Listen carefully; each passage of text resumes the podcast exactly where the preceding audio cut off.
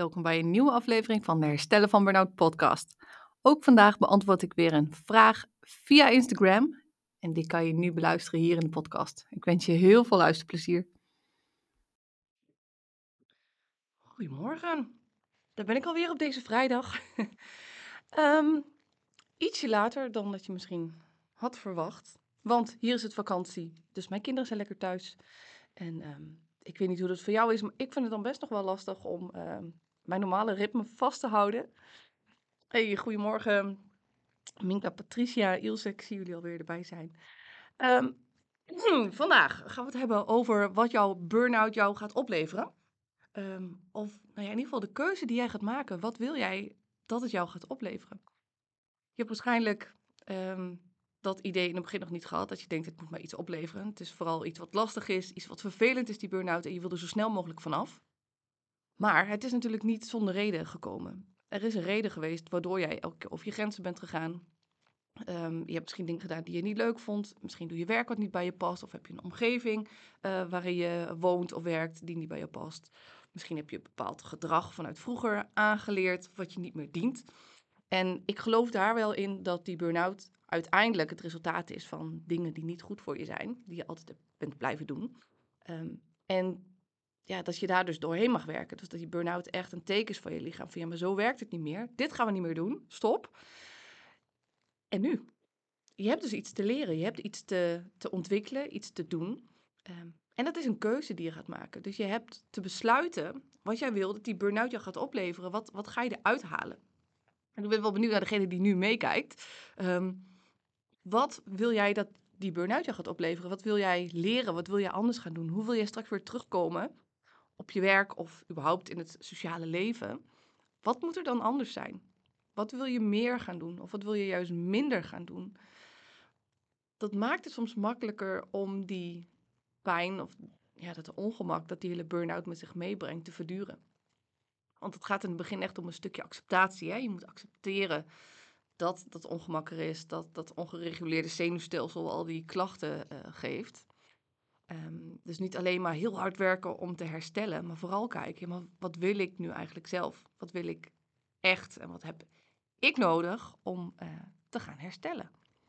Dus ik ben heel benieuwd, ook als je de podcast luistert, misschien leuk, je kan hem dus op Instagram, um, kan je onder het filmpje, kan je reactie uh, plaatsen. Voor andere mensen denk ik ook heel erg inspirerend om te lezen. Patricia zegt mezelf minder aanpassen, minder pleasen, staan voor wie ik ben, niet altijd de gezellige, vrolijke willen zijn. Wat mooi.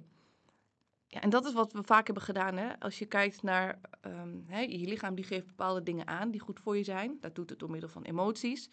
En we hebben vaak geleerd vanuit onze jeugd al dat onze emoties ons tot last zijn. Dus als je verdrietig bent, dan moet je niet zo huilen of niet aanstellen. Als je boos bent, dan moet je niet zo boos zijn, want dat is bijvoorbeeld voor vrouwen niet charmant. Um, en er wordt altijd verwacht dat je maar lacht en dat je maar vrolijk bent en gezellig bent. En daarmee leer je al om over je eigen grenzen te gaan. Dus wat je eigenlijk dus wil leren, Patricia, is dat je zegt: ik wil me minder aanpassen. Ik wil vooral voelen wat mijn lichaam me aangeeft. Um, en daarna handelen. Dus als je niet vrolijk bent, ga je niet de, de vrolijke uh, collega of de vrolijke moeder of uh, vriendin uithangen. Um, maar dan ben je gewoon zagrijnig misschien of neutraal. Is ook oké. Je hoeft niet altijd het masker op te zetten. Minder pleasen zeg je ook. En pleasen, dus, dat kunnen twee dingen zijn. Hè? Bij pleasen kan het zijn dat je wil um, dat de ander jou lief vindt. maar het kan ook heel vaak zijn dat je de ander niet um, ongereguleerd wil maken. Dus je wil niet dat de ander boos wordt. Dat vinden we vaak heel ongemakkelijk uh, of heel eng. Ja, Patricia zegt dat is de bedoeling. Heel uitdagend na 48 jaar. En dat kan ik me heel goed voorstellen, want je hebt natuurlijk allerlei um, patronen ontwikkeld waarmee je jezelf veilig houdt. En dat doen we als kind al. Hè? Je, je creëert als kind al bepaalde patronen, waardoor je geen pijn voelt of minder angst voelt. Of nou ja, hè, waarmee je veilig blijft in je gezin um, of in nou ja, je, je, je omgeving op school. En dat dient je dan. Dat is heel belangrijk en ook heel goed dat we dat creëren. Maar je merkt wanneer je volwassen bent dat het je niet meer dient. Dus dan heb je dat eigenlijk los te laten. En dat is super eng. Want ons ego en ons brein, die, die schieten gewoon in de paniek. Die hè, ons brein is niet gemaakt om, uh, om gelukkig te zijn, maar dat is gemaakt, dat zorgt ervoor dat je veilig bent. Dus het gevoel um, van stoppen met patronen en stoppen met bepaald pleasend gedrag bijvoorbeeld. Ja, dat kan echt voelen als een soort van doodsangst. Terwijl je nou ja, misschien in je hoofd wel weet dat dingen niet gevaarlijk zijn of dat het hè, niet echt reëel gevaar is. Maar zo voelt het wel voor je lichaam. Dat is heel mooi. Ja. Ik zie dat er wat meer mensen nu meekijken. Ehm, ik had de vraag gesteld wat jij wil dat de burn-out jou gaat opleveren. Ehm, hè, dus Patricia, die moet heel even terugscrollen. Patricia zei van, nou, ik wil mezelf minder aanpassen, ik wil minder pleasen, ik wil staan voor wie ik ben, niet altijd een gezellige, vrolijke willen zijn. Ehm, en ik denk dat dat belangrijk is wanneer je in een proces van herstel zit. Dat je weet, wat gaat mij dit opleveren? Wat gaat die pijn en dat ongemak op korte termijn mij opleveren? Ehm, als, je, hè, als je weet waar je op, uh, op langdurige termijn, of hè, als je duurzaam wil herstellen, dan, dan moet je weten waar je naartoe wil. Dus wie wil je worden? Wie heb je te worden om sowieso niet meer terug te vallen in die burn-out? En het is denk ik heel inspirerend als jullie dat hieronder kunnen zetten. gewoon voor elkaar. Om, soms weet je het gewoon niet. Soms denk je, ja, ik ben al burn-out en dit is gewoon kloten en ik wil hier vanaf. En dan gaan we gewoon weer lekker door. Maar dat lichaam, dat heeft niet voor niks stopgezet, gezegd. Dus je hebt daarin iets te veranderen. Je hebt iets te leren. En hoe ga je dat dan doen? Daar ben ik ook wel heel benieuwd naar. En dat is misschien een heel mooi bruggetje. Um, want 4 maart um, start Recharge live weer. Um, dat is het, nou, nu het grootste programma wat ik heb. Want ik deed eerder één op één coaching en eigenlijk alleen maar één op één coaching. En toen zat de praktijk vol. Dus toen dacht ik, ja, ik moet iets anders. Ik, moet, uh, ik wil meer mensen helpen, ik wil meer uh, uh, mensen bereiken ook. Dus ik ben mijn coachprogramma in drie stukken gaan opsplitsen. Waarvan Recharge dus het eerste deel is. Dus je leert daarin alles wat je met de één op één coaching in het eerste deel van het traject ook leert. En daarbij leer je dus onder andere ook je emoties um, herkennen, voelen, labelen. En je leert dus wat die emoties ook willen zeggen. En dat is denk ik één ding wat die burn-out jou ook echt te leren heeft, is luisteren naar je lichaam en vanuit dat signaal dat je lichaam geeft gaan handelen. En vaak doen we het andersom. Vaak luisteren we naar onze gedachten of we kijken naar de regels van hoe moet ik me gedragen, wat moet ik doen? En dan ga je zo handelen. Um, maar het mag van binnenuit komen, want je lichaam weet het heel goed. Wij hebben het alleen niet meer geleerd. We weten het niet meer. Patricia zegt, tijdens de burn-out ben je vooral bezig met het herstel. En weet je wat je wil stoppen. Um, nu, na de burn-out is het echt oefenen. Struggelen, voelt onzeker, uh, maar het lukt. Doen, succeservaring opdoen. Juist, want dat is inderdaad wat ik ook heel erg herken bij um, nou ja, de, de klanten die op dit moment, uh, die ik nog één op één coach die willen er vanaf. Die willen af van de burn-out klachten. En dan is dat ook je enige focus. Dus ik snap heel goed dat je alleen maar bezig bent met ademhalingsoefeningen, um, leren hoe je dat stresssysteem kalmeert. Um, oefeningetjes opzoeken over de nervus vagus. Hè? Dus hoe kan je ervoor zorgen dat het stresssysteem weer gaat werken?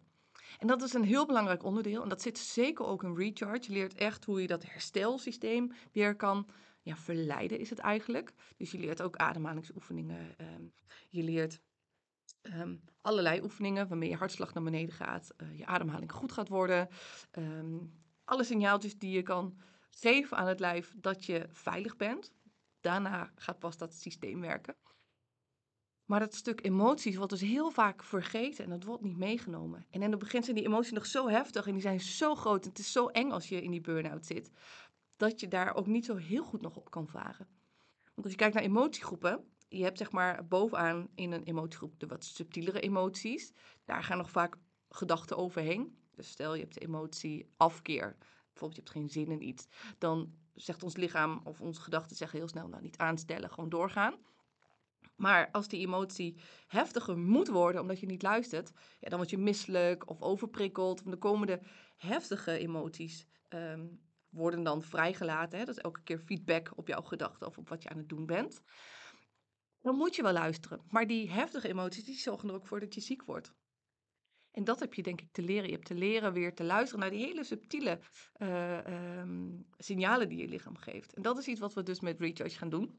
Dat start op 4 maart. Ik ga daar volgende week wat meer over delen. Zal ik ook de website-pagina uh, delen, dat je daar wat over kan lezen. Wat we precies gaan doen. Want we gaan deze keer drie maanden samen aan de slag. Dus uh, ik ga drie maanden lang naast je staan. Je krijgt allerlei um, audio's, video's, maar ook live sessies.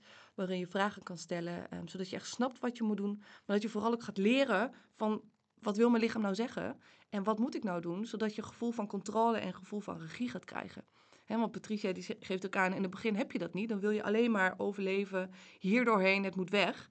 En later ben je pas bereid om te gaan oefenen ehm, en die onzekerheid eigenlijk op te zoeken.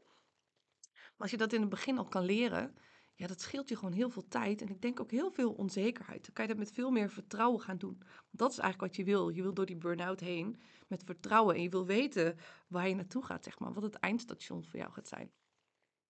Dus dat is misschien voor het weekend wel een hele mooie overweging. Ga eens voor jezelf kijken wat jij wil dat die burn-out je gaat opleveren. Wat wil je leren? Wat heb je te leren? Wat denk je dat die burn-out je wil zeggen? Um, en ga dat eens voor jezelf opschrijven. Dus schrijf eens voor jezelf op wat jij te leren hebt door die burn-out of in die burn-out. Wat, wat wil ik je zeggen? Wat heb je altijd gedaan waarvan je nu weet, ja, dat voelt wel veilig, maar eigenlijk dient het me niet. Is dat bijvoorbeeld pleasen? Is dat heel wat werken? Is dat heel veel nadenken om ongemakkelijke situaties of kritiek te voorkomen? Dus wat heb je altijd gedaan wat voor de korte termijn waarschijnlijk zorgde voor vermindering van spanning, maar wat op lange termijn heeft gezorgd voor die burn-out. Nou, ik wil je met deze overweging het weekend insturen. Ik wens je in ieder geval een hele. Oh, Patricia, nog één ding. Nieuw gedrag aanleren na zoveel jaar, opnieuw leren leven. Mooi. Het vroegere gedrag heeft me overigens heel veel moois opgeleverd hoor, maar nu niet meer. En dat is het denk ik ook. Je hoeft niet dat deel van jezelf af te wijzen. Het is niet een slecht deel van jezelf. Het is een deel dat jou altijd heeft willen beschermen, maar je ziet dat het nu niet meer functioneel is. En daarom kies jij bewust, uit liefde voor jezelf, voor nieuw gedrag. Wat heel spannend is. En dat is echt, dat is heel logisch.